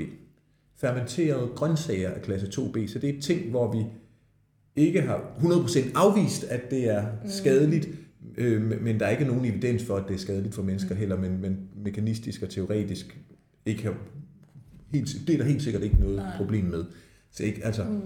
så er der en helt lang diskussion om, hvordan dyrene har det, og den måde, vi har dyr på, hvad det betyder for planeten og miljøet. Det, kan, det, det, og det, det må også komme med, men nu taler vi altså ernæring og kroppens biologiske ja. sundhed, ikke? Mm. så folk lige får det, så vi har det på plads. Så som proteinkilder, men selvfølgelig også bruge noget proteinpulver. Ja. Det er ikke magisk, det er ikke, for du skal have det. Men, men det, det kan godt, være en nem måde. Det kan være et supplement. Ja, og, og for nogen en nem måde at få protein på. Mm. Kom det i smoothien, eller hvad det er, greenien, ikke? Øh, og så er plantekilderne til protein, der er altså også lige et par øh, jo myter, som ja. vi lige skal have Ej, gjort lidt ved. Ja. Fordi det, man siger, du, hvis du spiser masser af linser, bønner og kikærter, mm. så er du fint dækket ind på protein. Det er ikke helt rigtigt. Nej. Fordi så højt er indholdet protein nemlig ikke i bælfrugter. Mm. Jo, i tørform, så når du mm. tager linser og bønner og kikærter mm. tørret, mm. så begynder det. Men, ikke, altså, men, men spiser dem ikke hårdt tørret, men der, er, der begynder det at snige sig op i nærheden af, hvad man finder i kød og fisk mm. og fjerkræ. Men når du så har lagt den blød og kogt dem, ja. så fylder de jo meget mere. Mm. Så, så man skal altså kunne have en gevaldig tarmvolumen for at uh, kunne håndtere mm. det. Uh, så, så, så det er rigtigt, at proteinindholdet i linser, bønner og kikærter, når de i, i tørform, det er mellem 16 og 21 procent mindre. Ja. Sojabønner ligger faktisk højere, de ja. ligger helt op omkring 40 procent. Mm. Øh, og sojabønner måske også den eneste undtagelse, hvis du lægger dem blød og kåben, så de ikke enormt meget væske til sig, ja. men alle de andre ting gør, men når du så lagt dem i blød, kogt dem, så hedder proteinindholdet 6, 7, 8 procent. Mm. Altså jeg har for sjovt prøvet, jeg, min størrelse og træningsvolumen og sådan noget, så skal jeg gerne have omkring 200 gram protein i døgnet. Ja. Øhm, og så prøvede jeg altså, i et døgn, at jeg skulle have alt mit protein plantebaseret, og jeg måtte ikke bruge plantebaseret proteinpulver, så jeg måtte ikke bruge det, jeg normalt bruger, mm. en blanding af øh, ris og ærte og hamprotein, mm. eller risprotein eller ærteprotein. Og jeg må simpelthen opgive efter frokost, fordi jeg kunne ikke, altså der, kunne jeg kunne, der var ikke plads til flere linser og bønner og kikærter og mandler og sådan noget. Mm. Altså jeg, jeg var oppustet og, øh, og efterfølgende, døgnet det efterfølgende, da jeg skulle på toilettet, jeg var meget på toilettet, og det, det fyldte meget. Altså, vi skal have det dirty ja. details, sådan med, at jeg måtte trække ud to gange i en runde, fordi der kom jo, altså, der kom jo en panda-volumen mm. ud den anden ende. Så derfor, så, øh, altså, eller jo, du kan jo godt måske undgå det stedet proteinmangel. Det er det andet, de anbefalinger, man har for protein, hvor meget skal folk have i de der 0,75 til 0,8 gram per kilo kropsvægt. Det er jo ikke det optimale. Nej. Det er, hvad der skal til for, at det ikke bevisligt giver mangelsymptomer ja. eller skadevirkninger. Det ideelle, det er nok et sted mellem 1,5 til 2 gram protein mm. per kilo kropsvægt. Ja. Øhm, ikke? Så derfor så, det, det kan være svært at komme derop. Man kan faktisk godt gøre det med bælfrugter, men så skal man have de der bælfrugtpastaer. Man kan ja. få sådan nogle pasta, der er lavet mm. på linser og bønner og kikærter ja. osv. Og der er lige så meget protein i, mm. som der er i Det er faktisk noget, jeg selv er rigtig glad for ja. at bruge, men det er også, som, ja. fordi de ofte er glutenfri som en erstatning ja. til glutenfri øh, pasta. Så, der, ja, så der er de også smarte. Ikke? Og, så, ja, og der er også en masse fiber i alt muligt andet, så det er faktisk ret næringsrigt. Så er der nogle enkelte, hvis du ikke tog normale bælfrugter, fordi din mave den bliver for oppustet, mm. og gasproduktionen bliver ja. for stor, så duer det ikke. Mm. Og så kan man selvfølgelig også bruge tofu, mm. øh, man kan få tempeh, øh, man kan få øh, natto, man kan også øh, få det, der hedder seitan, mm det skal man så holde sig fra, hvis man er glutensensitiv, ja, fordi det, det er jo det, sådan noget tekstureret glutenprotein. Altså det smager faktisk mm. ret godt, men hvis man ikke tåler ja, gluten, så, så er det noget rigtigt. Så er det satan i stedet for satan. ikke? Øhm, så er der jo selvfølgelig også kommet alle de her imitationsprodukter. Yeah. Wannabe kød og pålæg og så videre. Dem har jeg det lidt noget blandet med, øh, for ikke at sige stramt, fordi argumentet er, at det ikke er animalsk, derfor er det sundt. Ja. Men det er jo stadigvæk enormt bearbejdet og ja, processeret. Ja, det er ekstremt altså, forarbejdet. Altså, det, det er jo en træstjernet salami, bare uden dyr. Ja, og der er lige så meget salt i, som i forarbejdet produkt. Det er, ja, ja. Og, og, og hvis der er noget, man kan lære af ernæringshistorien, så er det, en af de ting, der generelt set giver problemer, det er, at vi overbearbejder fødevarer. Mm. Ikke? Altså, Gør det, det unaturligt. Ja, ja, jamen det, ja altså når, vi, når, når det for processeret, mm. det kan man bare se, det, det koster, mm. uanset hvad det er, du starter med, om det er plantebaseret eller animalsk. Mm. Så det skal man, altså, det vil sige, det er ikke noget, man skal tænke, når jeg spiser det her, så er jeg proaktivt sund. Mm. Øh, og vi har ikke langtidsdata på dem. Der er faktisk for nylig kommet et studie, hvor man sammenlignede, rødt kød det er inflammatorisk, mm. så man har et studie, hvor man sammenlignede, øh, om øh, folk de blev sat på en diæt med en, en passende, moderat mængde rødt kød, eller sådan nogle plante, noget plantekødsimitation. Der var nul forskel i inflammationsmarkører. Ingen. Det synes jeg er ekstremt altså, der, det gjorde ingen, ingen forskel whatsoever. Ikke? Altså, mm. øhm, og så selvfølgelig på, på den her, altså den her fjerde del, så skal der også lidt sundt fedt med. Det kunne mm. være det fedt, der var i fisken. Det kunne mm. være fra mandler, nødder, frø, kerne, noget avocado, noget olivenolie, en anden koldpresset vegetabilsk olie. Ja, selvfølgelig må du gerne spise smør en gang imellem. Mm. Selvfølgelig må du gerne få fløde en gang imellem. Det er ikke det, der er nogen, der siger. Men du bliver får virkelig dårlig mavefløde, mm. så kan det være, at du tænker, det skal jeg overhovedet ikke have. øhm, ikke? Og så den sidste fjerdedel, det bør være stivelse. Det er jo Ja. også blevet udskiftet. Stivelse, det er jo nærmest ligesom at rulle sig i Novichok og drikke reaktorvandet fra Fukushima. ikke? Og det er også fordi, så siger folk, "Nå, men når man kigger på befolkningsstudiet, dem der spiser rigtig meget stivelse, de er jo over, der er link med fedme og højt blodtryk osv. Ja, men i moderne befolkningsgrupper, hvad er, en, hvad, hvad er det sådan en indikation for, at du har, ligger i top 5, altså femtedelen af indtaget stivelse? Det er altså ikke fordi, det, du lever kartofler og havregryn og sådan noget. Det er fordi, du lever panini, toastbrød, pomfritter, chips, øh, nachos, der er druknet i... Biosboller med- Ja, ja. Og, jamen lige præcis. Så er det jo ikke stivelsen, der er problemet. Så det er igen alle de her bearbejdede fødevarer og stivelse, der er simpelthen pillet ud af kontekst. Så har du misæren. Der har du balladen. Ikke? Det er det, der er noget værre lort, noget værre bøvl. Ikke? Så derfor så, øh, så, så, så er det fint at få en fjerdedel af sin mad som stivelse, men fra hele fødevarer. Det vil kartofler. Ikke pomfritter, ikke chips, Nej. ikke? som rugbrød, mm. medmindre man ikke tåler gluten selvfølgelig, som havregryn, mm. som fuldkornspasta, som brune ris, Ja. røde ris, sorte ris, mm. vilde ris, linser, bønner, kikærter, quinoa, boghvede mm. osv. Og jo, så er der nogen, der har det bedre på en stivelsesreduceret diæt igen. Der er nogle af fordøjelsesmæssige årsager, hvor det gør en forskel. Eller hvis du har mm. Altså et reelt blodsukker-issue, ikke et imaginært, Nej, nej. så kan det være, at man i hvert fald en periode indtil mm. ens blodsukkertolerance er back on track, mm. at man så skal Ja, men altså reducere det. ja, ja, igen. Lige præcis.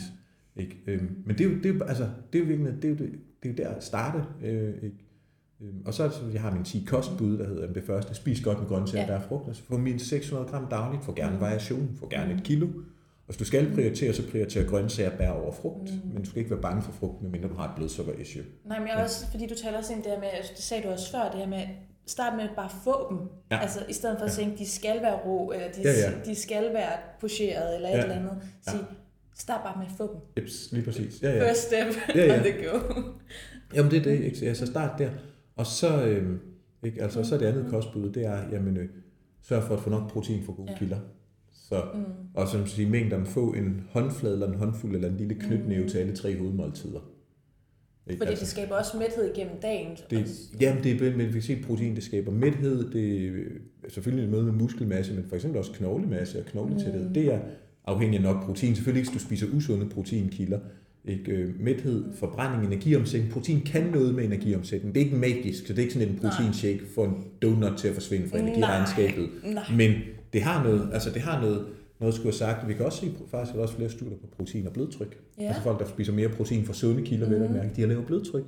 Og faktisk også på blodsukker. Altså igen, det er klart, hvis man så kørte det hele som bacon, flæskesvær, øh, æbleflæsk mm. som proteinkilde, så vil det ikke have en gavnlig effekt på nogle af de her parametre. Men Mm. når det kommer fra fisk og skalddyr og rovn mm. og mejeriprodukter og æg og så videre. Øhm, ikke? og så er det, det tredje råd, der er i stedet for panisk grad for fedt, så start med at se på typen og kvaliteten. Mm. Så sørg for at få nogle omega-3 fedtsyre hver dag, sørg for at få nogle af alle de her sunde fedtstoffer fra oliven og mandler Mm. og sesamfrø og græskarkerner og olivenolie og avocado. Ikke? Og så øh, skal du eventuelt begynde at se på mængden af mættet fedt, hvis, du har, hvis der er indikation for, at der er et issue, hvis du har høje triglycerider, hvis du har skæve kolesteroltal, hvis du har voldsom inflammation, faktisk også nogle gange, hvis du har rigtig dårlig regulering af blodsukker, eller der er et tegn på, at du har sådan meget visceralt fedt. Mm. Så skal du måske ud og proaktivt reducere mættet fedt, øh, og være kaj med smøret og Mm. den fede ost og så videre. Ikke? Så vi har det. Øhm, så er et, øh, et, et, et fjerde kostbud der, være meget mere opmærksom på sukker. Mm. Så øh, tilsat sukker er, det er jo ikke farligt i sig selv. Du tog en teskefuld sukker i din 5 o'clock afternoon tea, Mm. British shake, betyder intet. Altså ingen negative effekter for dig, øh, selv du har diabetes. Men der er jo rigtig mange, der får meget mere, så derfor, så, alt det der tilsætter raffineret sukker, prøv at fjerne det fuldstændig i en uge, bare for at blive op- ops på, hvor mange steder Jamen det er. også for at blive ops på, hvad det faktisk har betydning Ja, ja, ja. for din krop. Det synes, Ja. jeg, det synes jeg selv har været skræmmende at, Ja. erfare. Øh, øh, ja, og så, og så, og så, så, så, så måske sige som udgangspunkt, spiser ikke mad med tilsat raffineret sukker eller drikker ting, for så kan man selv vælge til Ja. at sige, ej, jeg har lyst til et stykke kage. Cool. Mm. Ej, jeg har lyst til den der sukker. Cool. Mm. Ej, jeg har lyst til, ikke? Øhm, så vi har det som et kostbud, ikke? Øhm, som, som det fjerde kostbud. Og så øhm, som et øh, femte kostbud, jamen få øh, nogle øh, bælfrugter og lidt nødderfrø kerner dagligt. Mm. Så linser, bønner, kikærter og så videre, ikke? og også altså mandel, sesamfrø, hørfrø. Det kan vi også se i befolkningsstudierne igen, det gør en forskel. Ja. Så klart, hvis du er voldsomt nødallergisk, skal du være med at spise nødder. Ja. Ikke? Altså, eller hvis bælfrugter gør, at du bliver mere oppustet end Michelin, men damen, personen, ja. så lad det selvfølgelig være med det, men ikke, men ellers så, øhm, så, så, så, så, så er det ret fint. Og så, øh, altså, 6. kostråd, det er, hvis du spiser stivelse, så får det primært fra de her hele ubearbejdede kilder. Og det er klart, prøv, hvis du sidder på en lille boulangerie mm. i Saint-Crocœur i Paris på en søndag, så æder du den der goddamn croissant, og den skal være lavet med smør og med sukker. Hvis du har et problem med gluten, så spiser du ikke den croissant, medmindre du kan lave den glutenfri, fordi så er resten af Paris-turen jo noget lort. Ja. Ikke? Men altså ellers, så, så, så mm. ikke, øhm, så, og, og det, du må jeg så ikke spise sushi, for det er hvidris. Selvfølgelig må du gerne det. Mm. Det er ikke sådan, det skal være. Så altså, syvende kostbud, det i forhold til drikkevarer. Mm-hmm. Jamen, drik vand, drik øh, grøntsagsjuice, øh, eller altså væske via greenie og smoothie. Man får faktisk også væske, når man spiser godt med grøntsager, bær og frugter. Ikke? Øhm, drik te, urtete, grøn te, sort te. Men selvfølgelig lad være med at hælde massive mængder sukker og flydende fedt i det, fordi, ikke? Øhm, og, øh, og i forhold til kaffe og alkohol, tænk over kvaliteten frem for kvantiteten. Især med alkoholen. Ikke? Og kaffe det er jo sådan en, det er også nærmest blevet forbudt. Mm. Det er altså også overdrevet. Du skal selvfølgelig ikke drikke så meget kaffe, at du får sure opstød, eller at du har højt blodtryk, eller ikke kan sove, eller din søvnkvalitet er forringet. Men hvis du drikker en kop kaffe, så er det helt vildt farligt, når man faktisk kan se i befolkningsstudierne, folk, der drikker en del kaffe, så længe det ikke er fyldt mm. med Med sukker, sukker og, og, og masser fedt fra, om og det er fra plantekilder eller animalske Ja. kilder, så, det, så har det generelt set nogle sundhedsfremmende effekter. Det er af alle polyfenolerne, der er Ja. i kaffen. De er så også i Meget andet. mørke bær, og også i røde bær, og de er i oliven og olie og grøn te, og i øh, røde løg og røde æbler og rødkål og alle mulige andre steder. Så det er ikke fordi, mm. du kun kan få dine polyfenoler gennem kaffe, eller rødvin, eller Nej. mørk chokolade. Ikke? Øhm, så, så, så der er også noget, altså hvis man nyder et par kopper kaffe, det er fint. Men der er også rigtig mange, der ender med at misbruge koffein, om det kommer fra kaffe eller fra Andre, andre produkter. kilder. Fordi koffein gør det, at det midlertidigt maskerer oplevelsen af træthed, og mm. tvinger ligesom nogle nødenergidepoter i spil. Ja. Så derfor skal man også tænke, bruger man koffein, eller misbruger man det til at maskere en træthed, mm. der i virkeligheden er fordi, at man ikke har styr på sin krams. Ja, eller fordi- altså, at man er krams ja. underfodret. Øh, fordi så kan man jo godt slippe afsted med at have energi nok til at overleve, men på en baggrund, hvor der er alt muligt andet, der stadig skrider mm. og smuldrer lige så stille og. Ja. Øhm, og så er det det 8. Mm. kostbud, det er jo så at øh, sørge for at øh, spise den her altså sammensatte kost, brug te-tallerken, eventuelt justere den efter Mm. Efter ens behov. Ja, ja. Øh, og, og, og, det, og det 9. kostbud, det er at som udgangspunkt så spise regelmæssigt og få hovedmåltiderne, så få mm. morgenmad, frokost, aftensmad og mellemmåltider. Der er andre, hvor det fungerer rigtig godt med, med, med andre variationer, ikke? men for din anden ting, det er blevet normt inde med Ja. faste. Jeg, jeg, Ja, jeg, ja. Øhm, altså, og nu kommer den øh, sure, kontrære, gamle 46-årige mand og siger, et, rigtig meget af det, folk omtaler som faste, det er ikke faste, det er spisepause. Ja. Altså, hvis vi skal se på det biologisk set, så kan man nok først rigtig begynde at tale om faste efter tre døgn. Så alt det her time-restricted eating, mm. øh, som man kalder for intermitterende faste, øh, 16-8 for eksempel, hvor man har 8 timer til at spise, det kan være en skidesmart ramme for folk at få styr på, hvad, hvad de spiser, ikke overspiser, mm. hvad, lade være med at spise alt muligt mellemmåltid, snacking, mm. der bare ryger ind, og bli, så bliver de mere bevidste om, hvad de spiser, når de endelig mm. spiser, fordi sådan, nu må jeg spise, okay, så vil jeg have noget Ja. ordentligt mad. Øhm, ikke? Så der er folk, der oplever, når de gør det, ja, de kommer ned i vægt og i blodtryk og blodsukker osv., men det er ikke spisepausen, der er effekten, det er fordi, det er rammen, der ja. gjorde, at de lige pludselig, altså der bliver skabt nogle rammer, der der, gør, giver, giver anledning til noget mere mindful og noget mere præsent spisning. ja. Altså både det mentale, men også, hvad er det, jeg spiser? Hvorfor spiser det? Hvad har jeg lyst til at spise? Mm.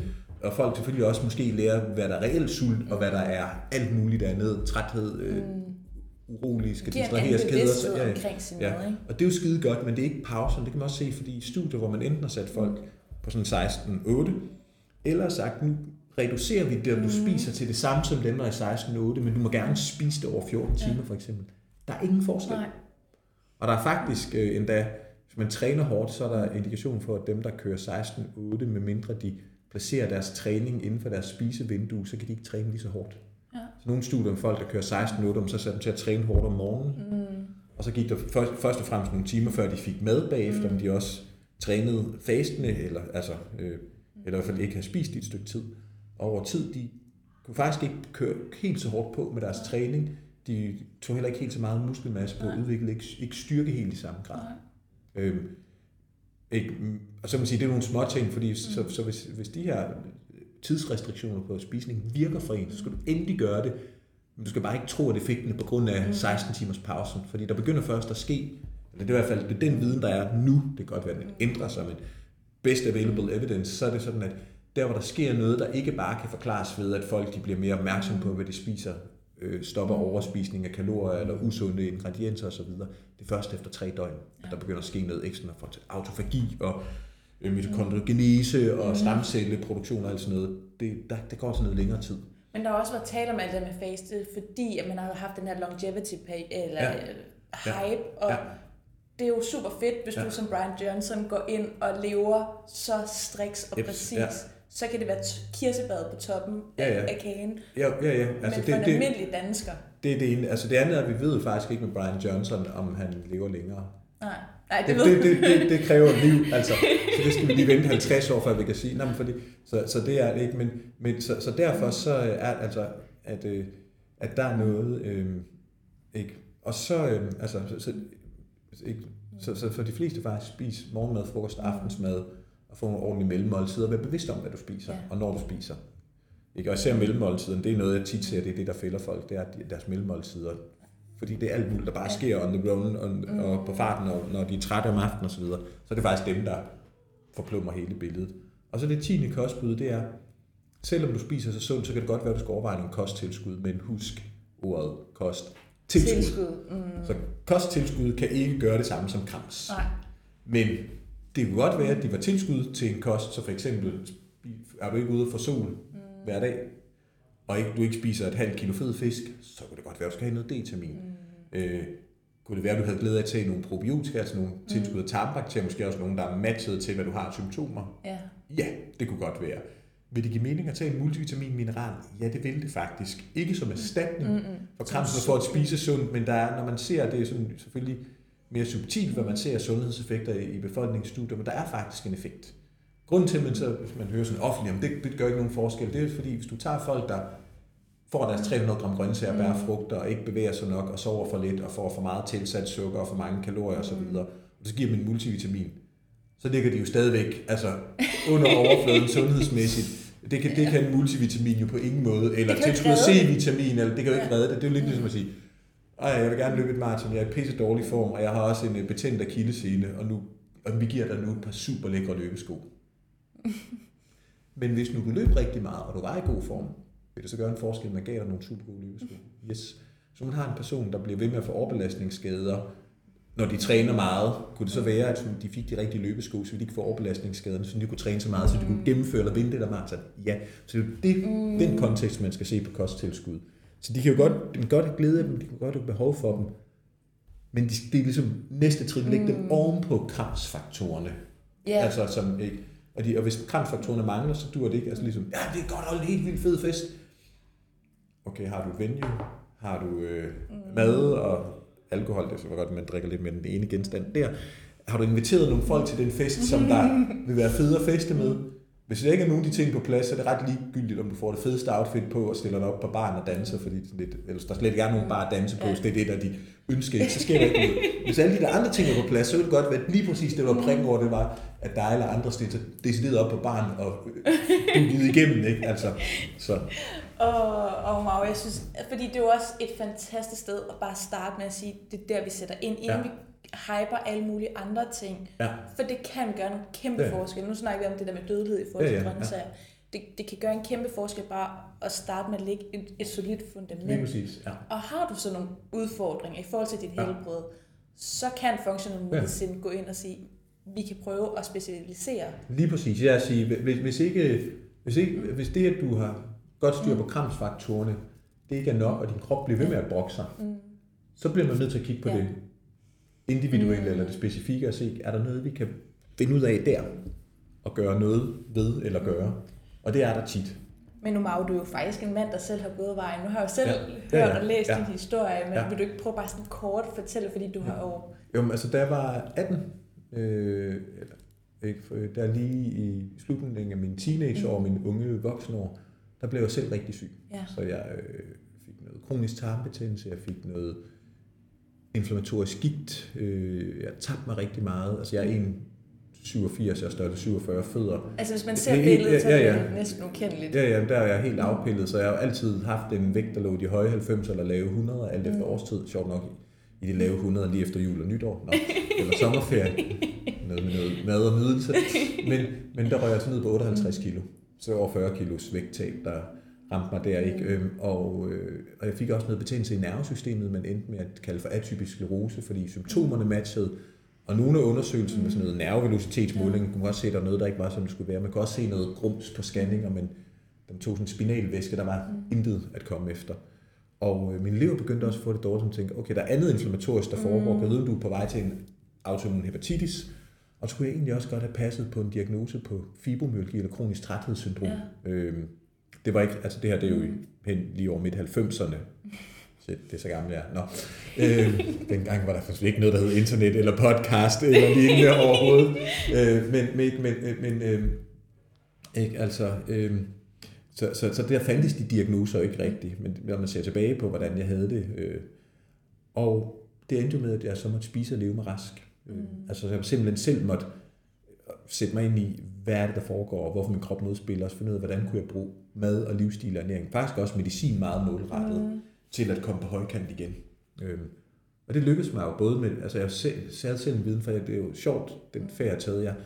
Når man ser i bagspejlet, overrasker det egentlig ikke nogen, selvom i mine unge dage har jeg både troet, at skulle være rapper og pro-basketballspiller og model og what have you not. Men altså, jeg har altid været voldsomt interesseret i natur, fra jeg var barn. Altså, lå og gravede nede i huller i haven, for at skulle ned i min ja. faster Eltes og min bedsteforældres have, for at skulle ned og se til muldvarpe, regnurm og sådan noget, med meget ødelægge græsplæne. Jamen, det er spændende. altså, øh, og, øh, og, og, hvis, det, altså, og jeg, hvis jeg bare alle, der var, kunne læse, det var sådan lidt, din opgave, det er, at du skal læse højt for mig af bøger om natur, ja. før jeg selv kunne læse. Og, ikke, øh, så, så der, og som teenager, der var jeg også obsessed, så alt jeg kunne komme i nærheden af, altså i skolen. Jeg boede udlandet og gik på internationale skoler, men også mere end jeg skulle have i timer. Altid noget biologi, biologi organisk kemi, anatomi, hvad jeg kunne få. Jeg tog det hele. Ikke? Og så har jeg også bare været enormt madinteresseret. Altså fra min, udover at jeg var sulten som baby, så jeg var madinteresseret. Også, og min far og mine mm. forældre, at så før jeg havde tænder, ville jeg have deres mad. Jeg ja. ville med i køkkenet, og selvom jeg jo ikke kunne gøre andet end at sidde med en guldrud og stikke den i øjet på mig selv, så, altså, så ville jeg bare med, og inden jeg var tre, mente jeg, at jeg skulle lave min første omelet. Jeg fik ikke lov. Det var jeg ret utilfreds med. Altså, så der har også været interesse i mad, og både hvad er det, og hvordan smager det, hvordan laver man hvad sker der? Også molekylært og biokemisk, altså sådan rent molekylær gastronomisk, men også det der link mellem mad. Mm.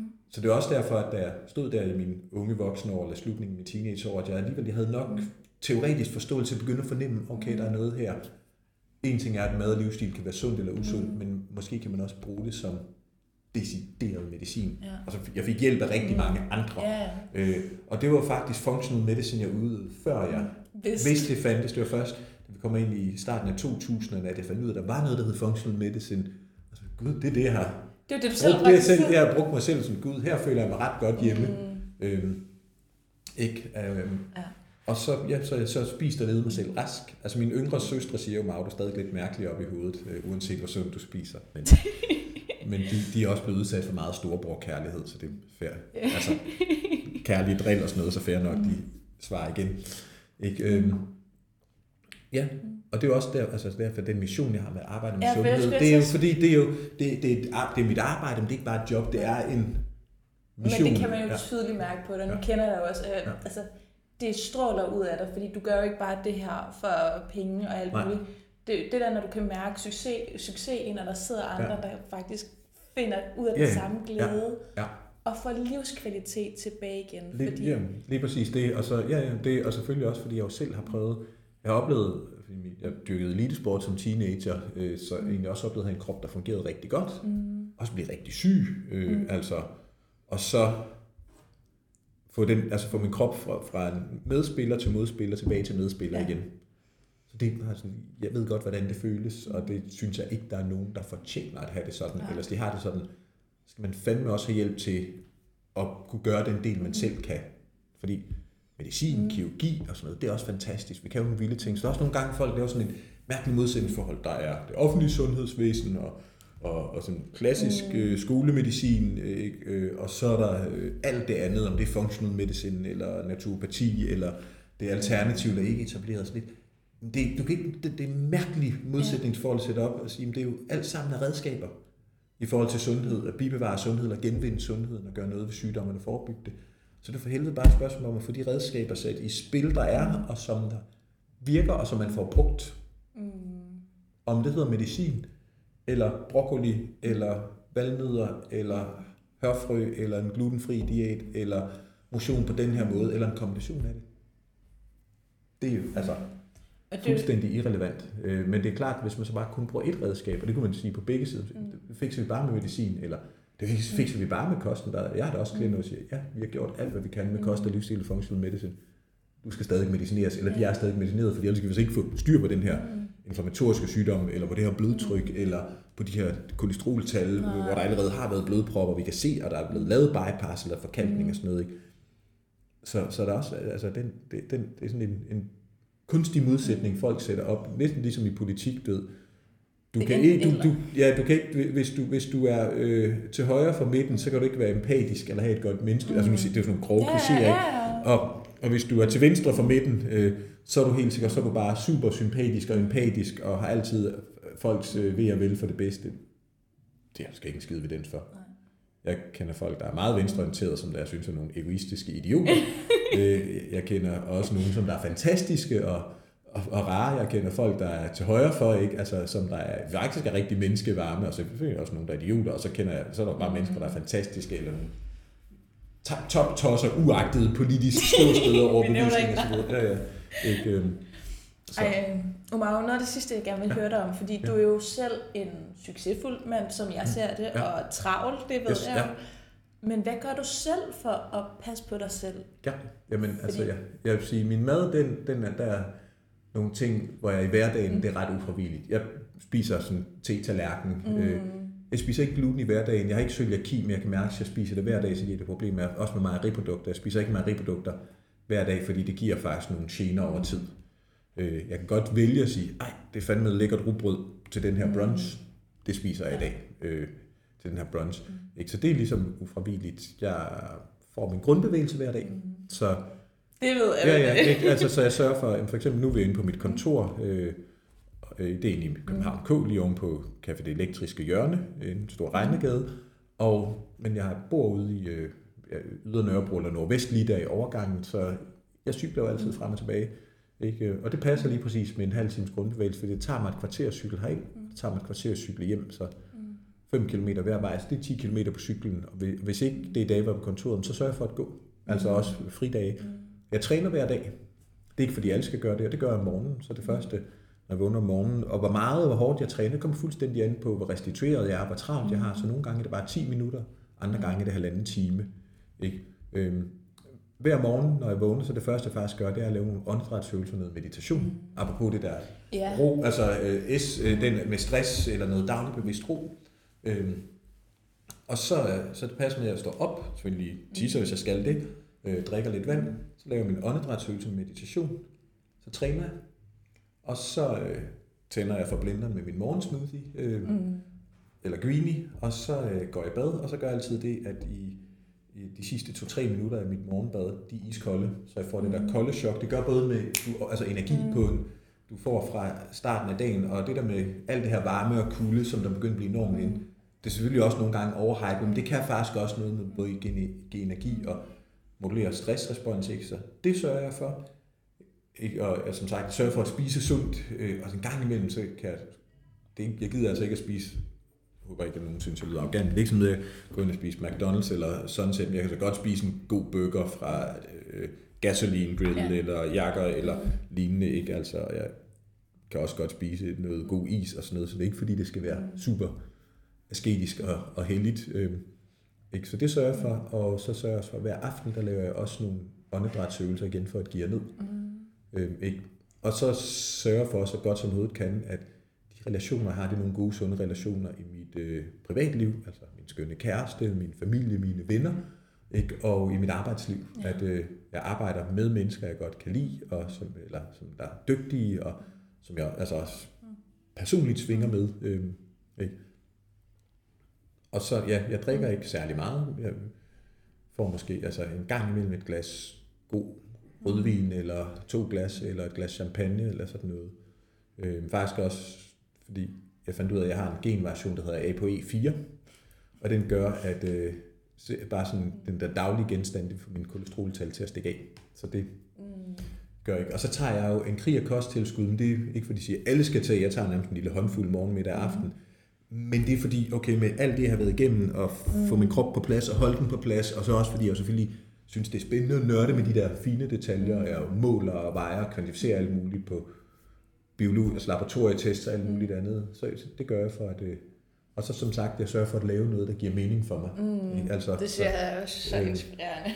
Ikke? Og, så, og så sørger jeg også for hver eneste dag at få noget input ind, der som kalder for, få noget input ind, som der ikke er det faglige. Mm. Altså fordi det andet også for vores sundhed, både mentalt, men også fysisk, det er at gøre altså noget, om det er at øh, se eller opleve noget skønt kunst, høre noget musik, øh, få noget mm litteratur eller et eller andet. Så jeg har, det står sådan på min studieliste hver dag, men du skal i hvert fald en halv time høre noget musik, du bare synes er fantastisk, og som du bliver glad af, eller rolig af, eller får det godt af, både generelt set, eller i forhold til, hvordan dit humør er.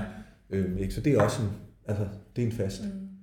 fast rutine. Øhm, så ikke? så det, det er nogle af de ting, jeg gør for at passe på mig selv, øhm, og tage vare på mig selv, og så derfor også have energi og overskud til at, fordi jeg arbejder rigtig meget, det, og laver rigtig meget, ikke? men, men jeg elsker, elsker det, jeg gør, mm. Og selvfølgelig også sørge for at tage vare på mig selv, så jeg kan holde til at gøre mm. det, jeg gerne vil. Ja, og du kan blive ved med at udleve ja. dit livsformål, din mission, ja. fordi det, altså, det ja. synes jeg er jeg synes, det er både motiverende og inspirerende, det der med, at du har gjort din livsmission mm, ja. til dit livsværk. Ja.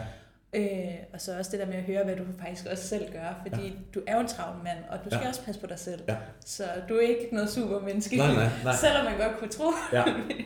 så ej, Omar, tusind, tusind tak. Du er, ja. du ved jo selv, hvor inspirerende jeg synes, du er, og ekstremt, ekstremt dygtig. Tak. Så af hjertet tak, fordi du gad være med i dag. Tak. Af hjertet tak til Omar Kedokken i dag for at være gæst på min podcast, og tak for den kæmpe forskel, han gør for mennesker. Jeg håber, du kan mærke, hvorfor Omar og jeg er så imponeret over, hvordan functional medicine-tilgangen kan ændre menneskers liv. Og man kan rent faktisk gøre rigtig meget for de sygdomme og symptomer, man oplever.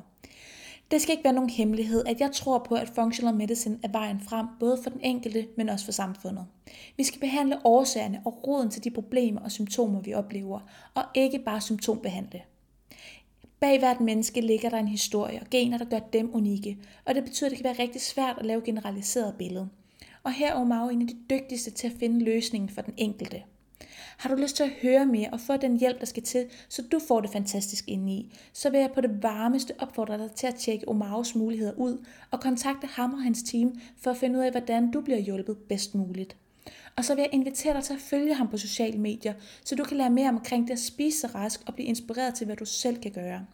Link til det hele finder du i beskrivelserne og show notes neden for dagens afsnit. Og så vil Omar og jeg elske at se, hvad du særligt tager med dig for dagens episode, eller hvad du især laver, mens du hører det her, så vi sammen kan inspirere endnu flere mennesker til at gå ud og leve deres power life. Tak for i dag. Vi ses og gå nu ud og lev dit power life.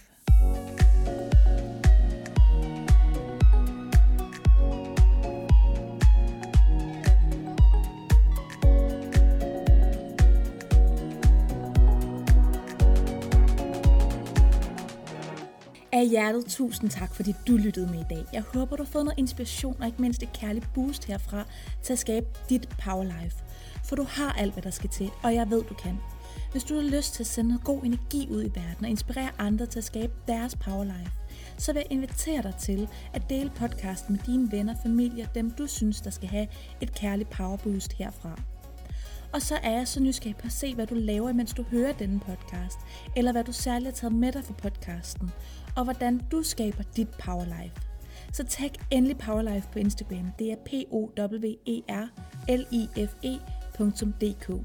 Jeg vil så gerne støtte dig på din rejse, se dig udleve dit drømmeliv. Og så kan jeg ikke vente til, du skal høre næste episode med endnu en fantastisk gæst. Vi ses næste gang til endnu et inspirerende afsnit af podcasten Power Life.